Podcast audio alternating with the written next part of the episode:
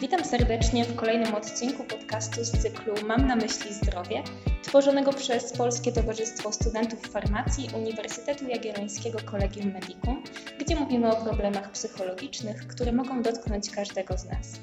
Nazywam się Katarzyna Budzaj i jestem studentką drugiego roku farmacji na Wydziale Farmaceutycznym Uniwersytetu Jagiellońskiego Collegium Medicum. Dziś chcemy poruszyć temat lekomanii i uzależnienia od substancji leczniczych. Naszym gościem jest pani dr Anna Gołda, doktor nauk medycznych i absolwentka kierunku farmacja na Wydziale Farmaceutycznym Uniwersytetu Jagiellońskiego Collegium Medicum, na którym obecnie pracuje w Zakładzie Farmacji Społecznej. Witamy panią doktor i bardzo dziękujemy za przyjęcie zaproszenia.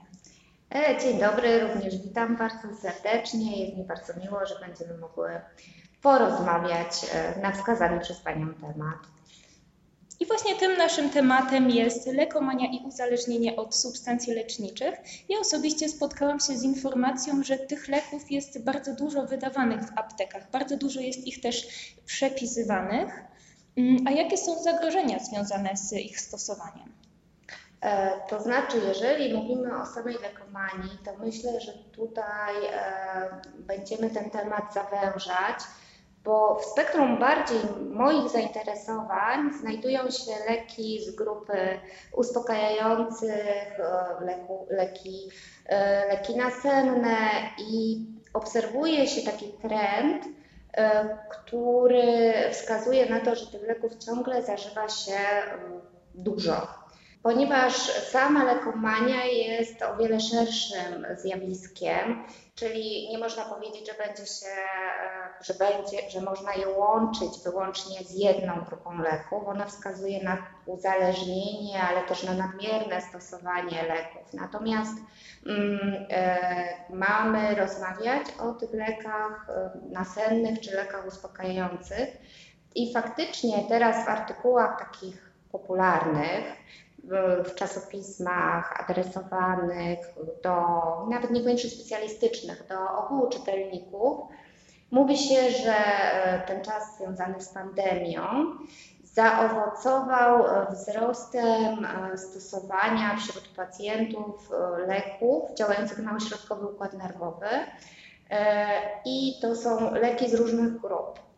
E, to znaczy pacjenci stosują e, i leki przeciwdepresyjne, e, ale również stosują takie leki, które mają wyciszyć lęk, czy mają wspomóc zasypianie. I w tym momencie można powiedzieć, że zaczynają się pojawiać pewnego rodzaju zagrożenia.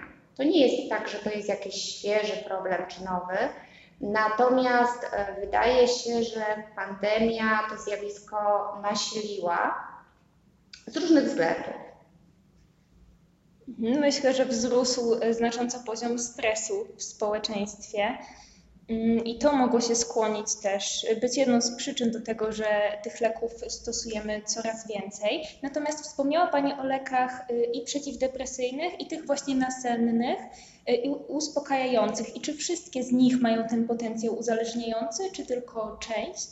To znaczy, nie chciałabym się tutaj skupiać, nie chciałabym, żebyśmy dzisiaj mówili o lekach przeciwdepresyjnych, mm. dlatego że e, należy wierzyć w to, że jeżeli pacjent ma E, zapisany lek przeciwdepresyjny, to on go ma zapisanego po zebraniu bardzo dokładnego wywiadu lekarskiego. Ktoś u tego pacjenta depresję zdiagnozował. Depresja jest bardzo ciężką chorobą, nieleczona e, może prowadzić wręcz do śmierci z uwagi na różne czynniki.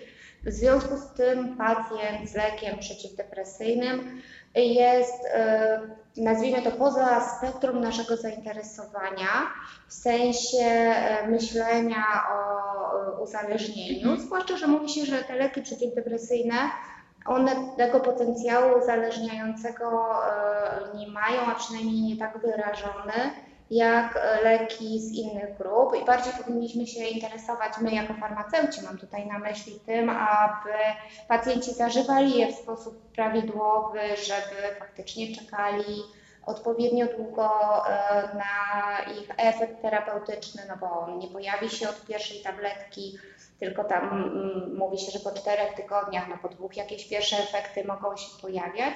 Więc myślę, że tutaj e, takiego większego zagrożenia, no nie chcę powiedzieć, że nie ma, natomiast e, na pewno nie będzie farmaceuta takim, taką osobą, która powinna w jakikolwiek sposób myśleć o limitowaniu e, tych leków. Oczywiście też nie chodzi o zachęcanie, natomiast na pewno należy pacjentów e, zachęcać do diagnozowania się. Natomiast inaczej e, ma się rzecz w przypadku tych leków e, na receptę. Mam tutaj na myśli e, leki albo z grupy benzodiazepin, albo leki tak zwane leki z grupy Z, czyli tutaj na przykład to będzie zolpidem, głównie zolpidem, bo ten lek jest w Polsce dość przepisywany w dość dużej ilości.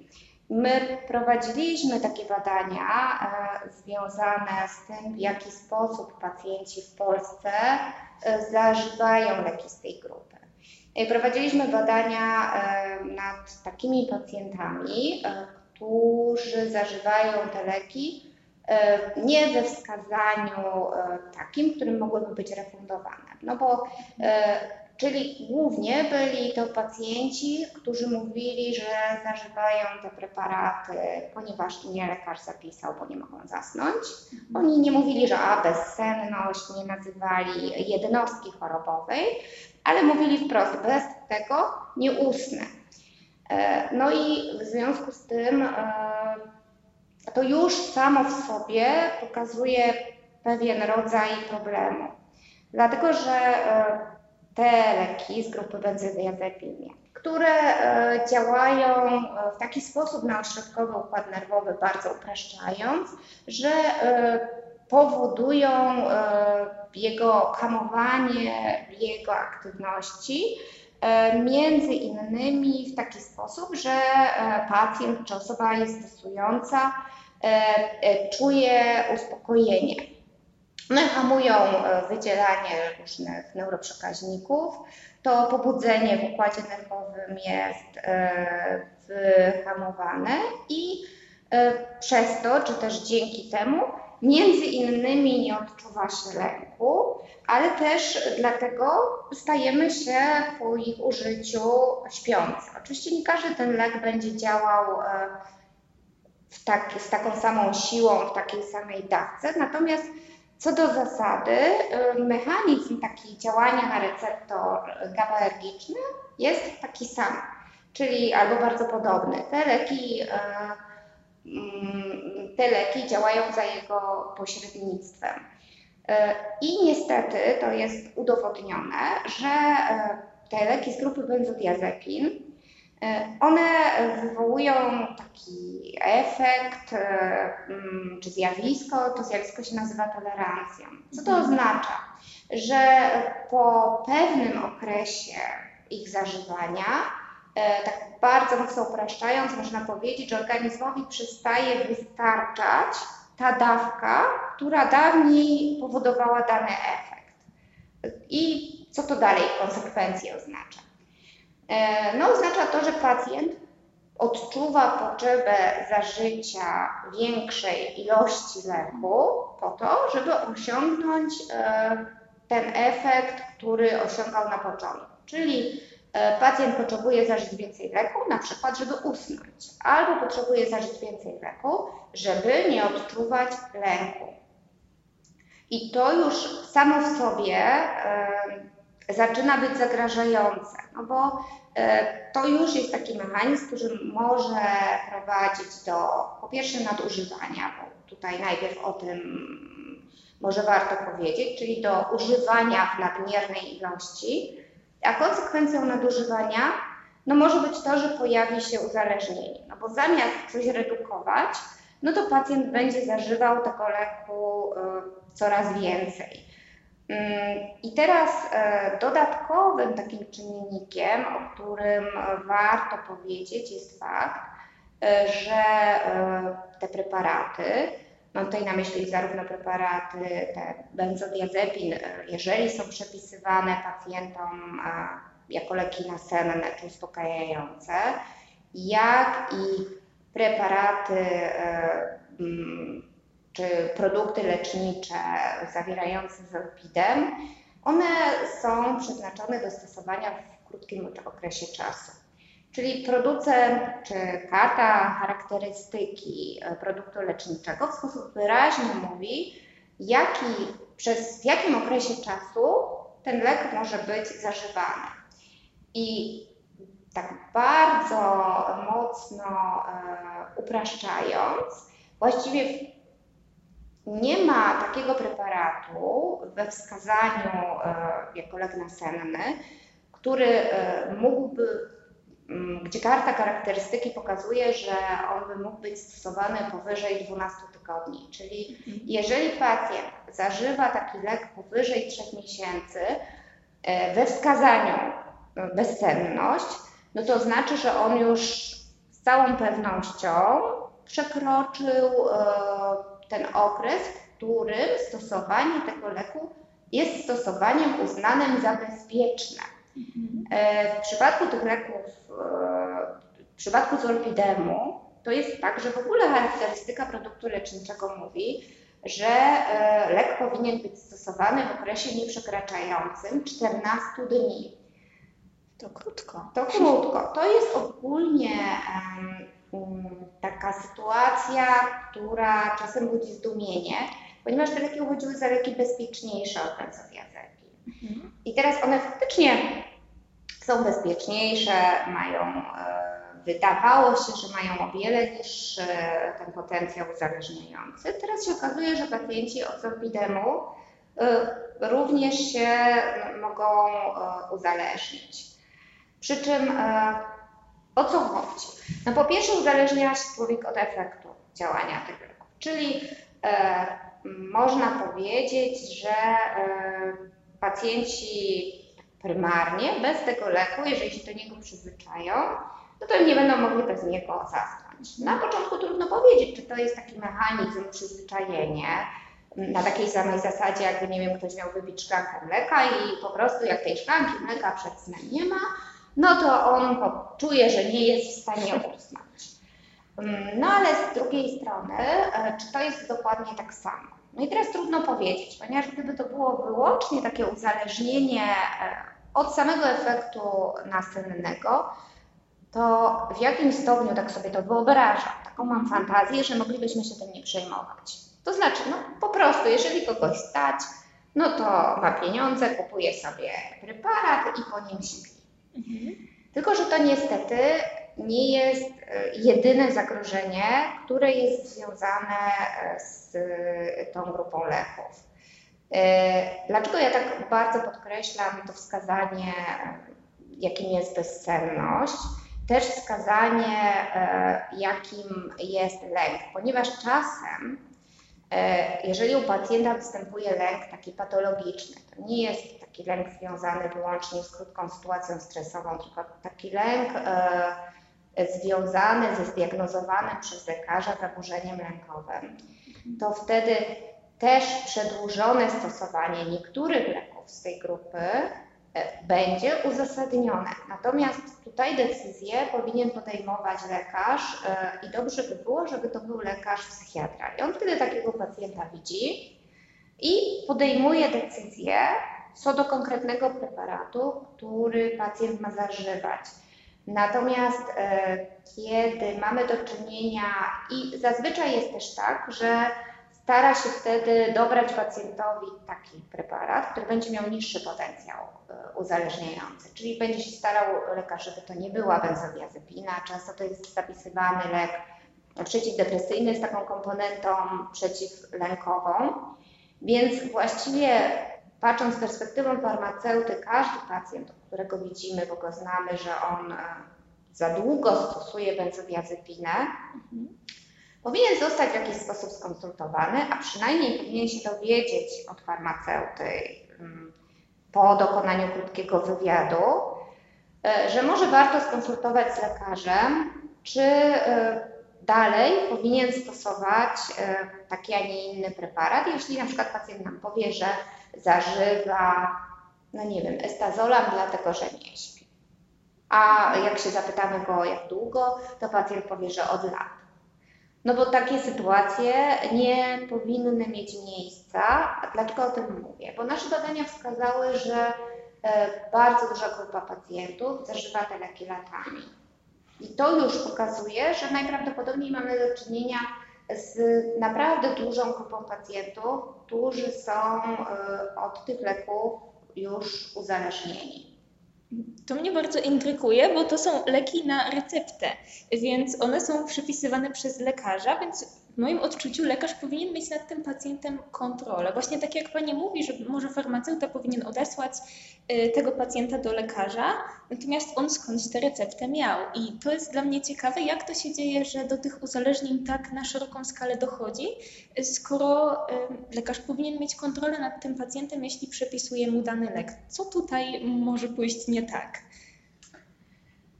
Tutaj wiele rzeczy może pójść nie tak. Jak jeżeli e, się nad tym zastanowimy. Pierwszym czynnikiem e, jest taki czynnik, e, który może inaczej.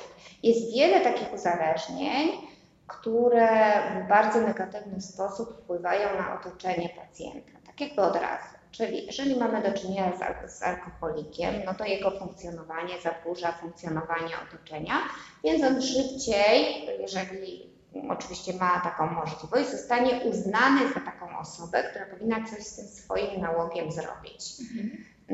Jeżeli mamy do czynienia z osobą, która bierze jakiś rodzaj narkotyku i na przykład po nim się staje agresywna, no to też e, o wiele szybciej będzie reagowało otoczenie. Natomiast w przypadku e, uzależnień od e, takich leków działających nasennie czy działających uspokajająco, nie mamy do czynienia z taką sytuacją. Bo przynajmniej początkowo rodzina czy otoczenie zaczyna się cieszyć. No bo tak, ktoś, kto nie mógł zasnąć, idzie spać, nie krąży po mieszkaniu, nie przeszkadza innym, przychodzi do pracy, w gruncie rzeczy na początku jest wyspany i wszystko jest w porządku. Czyli mamy e, takie czynniki, które w bardzo mocny sposób mogą oświecić czyn, e, taką czujność, bo e, osoba funkcjonuje, faktycznie jej funkcjonowanie się poprawia, czyli ma wrażenie, że lek ją leczy, a te leki nie wyleczą z bezsenności. To znaczy musi, musi być równolegle z nimi wdrożony jakiś mechanizm tego pacjenta, który e, będzie go czy uczył, dlaczego mówię uczył, e, zaraz powiem, e, w jaki sposób, czy jakieś inne działania muszą zostać podjęte, które będą go leczyć z tej bezsenności. I teraz to zależy, bo jeżeli mamy pacjenta, u którego to będzie wskazanie do zastosowania akurat tej grupy leków na bezsenność, no to w porządku, tylko że te wskazania są dość wąskie. To są na przykład wskazania u pacjentów e, z bólem takim onkologicznym. No to wtedy wiemy, już się nie zastanawiamy, czy ten pacjent e, się, prawda, będzie przedłużone u niego zażywanie tych leków, czy nie. On po prostu lepiej dla niego, żeby się przespał. Zresztą badania wskazują, że pacjenci e, tacy z y, bardzo ciężkimi schorzeniami, oni y, nie uzależniają się w taki sposób, jak pacjenci na przykład, których y, nie ma tych dolegliwości bólowych, których no tak po prostu nie ma na dobrą sprawę wskazań. Mhm. Poza tym to są leki, które mają wskazania do leczenia, mam na myśli tutaj głównie zorbidem, tak zwanej bezsenności krótkotrwałej, bezsenności przygodnej. Czyli jeżeli, czyli to jest taka bezsenność, która nam się przydarza, nie trwa długo, czyli pacjent ma przed operacją być spokojny, ma się mhm. wyspać, trzy dni przed operacją jest w szpitalu, czy tam ma iść do szpitala na zabieg jednodniowy, a na przykład dostanie, żeby się nie denerwował na krótki okres czasu lek. Jeżeli go będzie zażywał do tygodnia, w porządku, nic mu się nie stanie. Jeżeli wie, że zmienia strefę czasową i potrzebuje sobie przez jakiś czas e, zażyć ten lek, żeby usnąć, to też jest w porządku. Problem się zaczyna, jeżeli do lekarza trafia pacjent, który już dość długo nie mógł zasnąć, dostaje receptę na lek nasenny i tutaj Pani zapytała, co może pójść źle. Może ją dostać na zbyt dużo tabletek i z nie do końca dobrze przeprowadzoną taką edukacją. Czyli jeżeli ten pacjent dostanie ten nazwijmy to przy okazji, no nie wiem, ma zdiagnozowane nadciśnienie, oprócz tego ma zdiagnozowaną astmę, idzie do lekarza pierwszego kontaktu, ten lekarz mu wypisuje receptę na przedłużenie na przykład e, e, tych leków, które ma stale stosowane, a do tego pacjent się żali, że on nie może w ostatnich dniach usnąć. Mhm. No i e, lekarz się go nawet pyta, czy on już wcześniej próbował zażywać, czy nie. No i pacjent powiedzmy, że powie, że próbował takie ziołowe, jak są reklamowane w telewizji, ale że to mu nic nie daje. I w tym momencie może nastąpić e, przepisanie leku.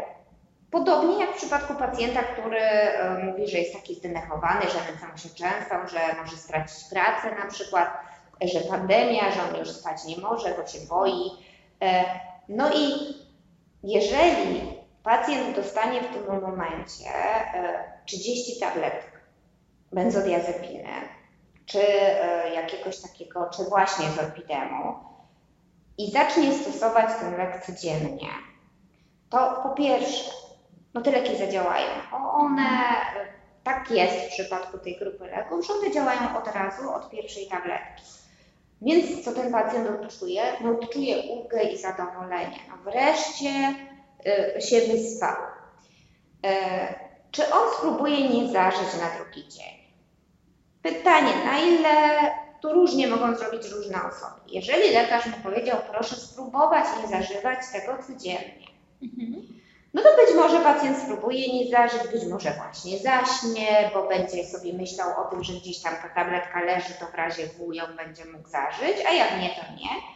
No albo w ogóle uzna, że to jest takie fajne, że można sobie zażywać codziennie. No i jeżeli już będzie zażywał przez 30 dni, to bywają tacy pacjenci, u których już ta tolerancja jest się w stanie w takim czasie rozwinąć. Czyli co się stanie, jak mu tego leku zabraknie? Po pierwsze będzie miał wrażenie i nie tylko wrażenie, ale wręcz nie będzie mógł zasnąć, bo taki jest, to jest jedno z działań niepożądanych tych leków, które ujawnia się bardzo często. I teraz na ogół pacjenci zamiast przeczekać ten okres, to wracają do lekarza po kolejną receptę.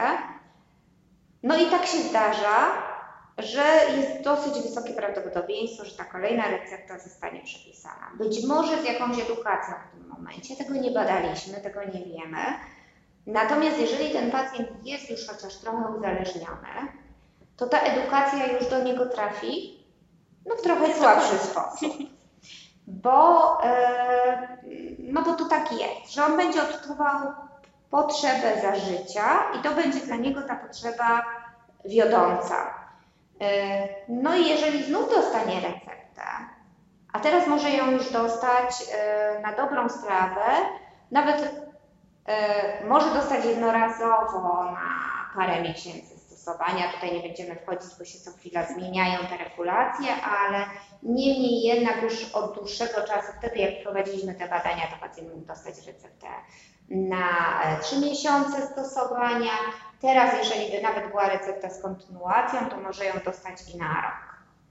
Nie wiem, czy są tacy pacjenci, którzy mają na przykład Zolpidem przepisany na rok. Mam nadzieję, że nie, nie prowadziliśmy teraz, nie sprawdzaliśmy tego w żaden sposób. Natomiast jeżeli chodziłoby o taką regulację formalną, prawną, to y, nie było takiego przeciwwskazania, czyli y, pacjenci mogliby mieć te recepty przepisywane i mieli je przepisywane, bo to wiemy, mm, na kilka miesięcy.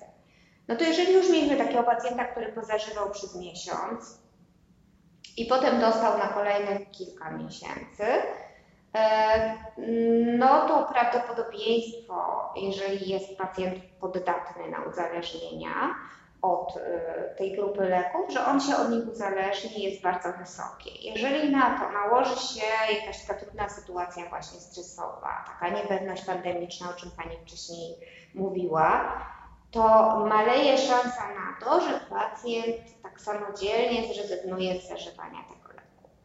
E, te różne doniesienia takie telewizyjne, które śledzimy, czy, czy takie z gazet, one też pokazują, że na wzrost prawdopodobieństwa kontynuacji takiej, e, no nazwijmy ją niewłaściwą kontynuacją, bezzasadnego przedłużenia stosowania e, czy benzodiazepin, czy leków Z w terapii bezsenności, mogły mieć wpływ e, e-konsulta te konsultacje, telekonsultacje, nie e-konsultacje, dlatego że pacjent, lekarz nie widział pacjenta trudno mu było ocenić go, e, na ile tak naprawdę tego pacjenta ta bezsenność e, ma takie nasilenie, że mu koniecznie trzeba pomóc doraźnie. Wycofanie się z takiej pomocy też mogłoby skutkować na bezsenność nieleczona, też nie jest obojętna dla zdrowia. I jeżeli pacjent się nawet upierał, że jemu bardzo dobrze służy i on nie ma działań niepożądanych i w ogóle dany preparat mu odpowiada, no to prawdopodobieństwo tego, że ten preparat zostanie pacjentowi przepisane, rosło. Czyli jeżeli chodzi o to, co może pójść nie tak, no to na przykład może pójść nie tak właśnie na samym początku może zajść taka sytuacja. Może być sytuacja taka, że pacjent dostanie ten lek niejako z przypadku, bo lekarz założy, że będzie ten lek krótko stosowany. Może być tak, że pacjent ma ten lek, bo od kogoś pożyczył. To niestety, e, nazwijmy to pożyczył, ale e, tak jest. I to też nam wychodziło w badaniach, że pacjenci w Polsce się tak zachowują, że na przykład babcia miała zapisane na trzy miesiące, więc nie było dla niej problemem odstąpienie blisterka, e, na przykład swojej, nie wiem, córce czy wnuczce, żeby się nie denerwowała, ponieważ miała wrażenie, że no to taka tableteczka jest. I tym sposobem ktoś uczył się, że dla niego ten preparat, e, no, że na niego działa. Nie chciałabym użyć słowa, że będzie odpowiedni, bo nie będzie odpowiedni, ale że działa.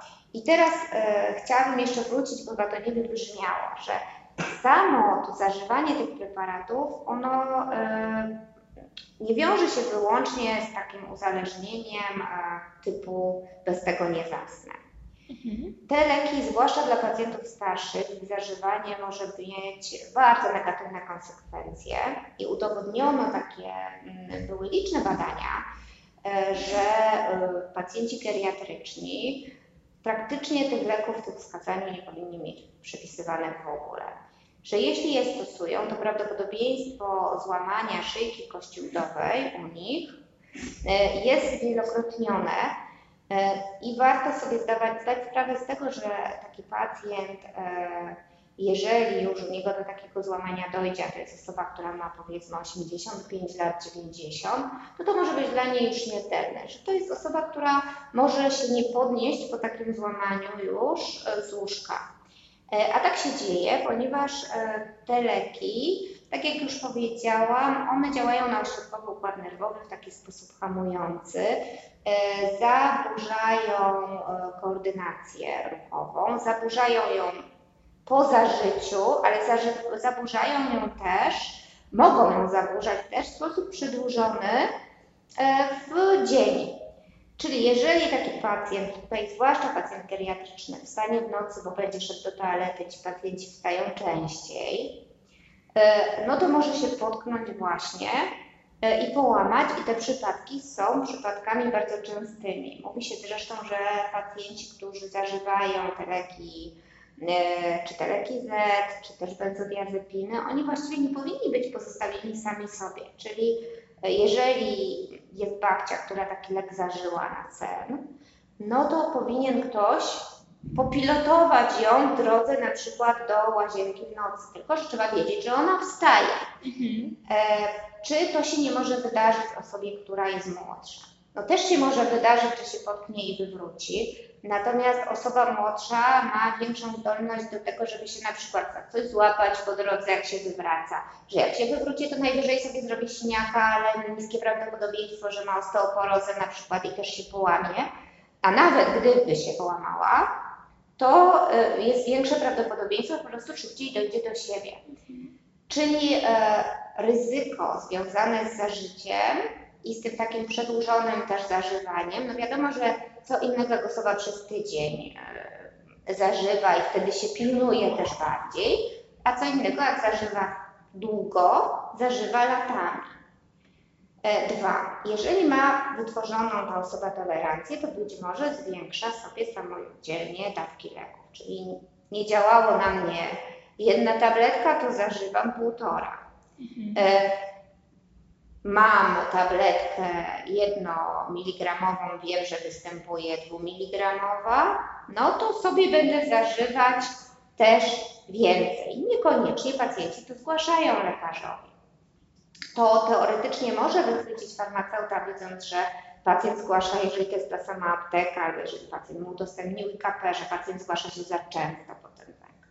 Może, ale pytanie, czy zauważy, podobnie jak z lekarzem, jeżeli pacjent weźmie sobie raz od lekarza pierwszego kontaktu, a raz od lekarza specjalisty, to też może być tak, że y, wzajemnie te osoby y, nie będą wiedziały o tym, nie zorientują się, że pacjent ma tego leku za dużo, że go zażywa w przedłużony sposób.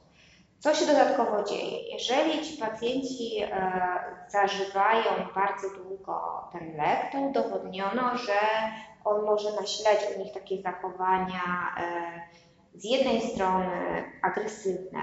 Dlaczego? No bo to jest tak, że zażywają lek, który już trochę wywołał tolerancję, którego ta dawka dla organizmu za mała. I to jest tak, to może bardzo brzydkie porównanie, bardzo takie kolokwialne, jak z takim niedopitym alkoholikiem. Czyli e, pacjent nawet nie wie, ta osoba nawet nie wie, że ona potrzebuje jeszcze więcej leku, którego nie powinna zażywać, natomiast nasila się w niej taki rodzaj agresji. Coś w rodzaju głodu takiego? Coś w rodzaju Coś głodu, tak. Jeżeli by odstawić w ogóle ten lek, to pojawi się i teraz i pojawi się normalny zespół odstawienny. Tylko, że on występuje, byłby częsty, występuje stosunkowo rzadko. Dlaczego? Bo tak jak rozmawialiśmy, ci pacjenci dostają te kolejne recepty. Co może jeszcze nam pokazać, że ktoś jest uzależniony, albo że z nami samymi jest nie do końca już dobrze, jeżeli zażywamy taki lek. Więcej o lekach nasennych i uspokajających usłyszymy w kolejnej części odcinka, na którą serdecznie zapraszamy.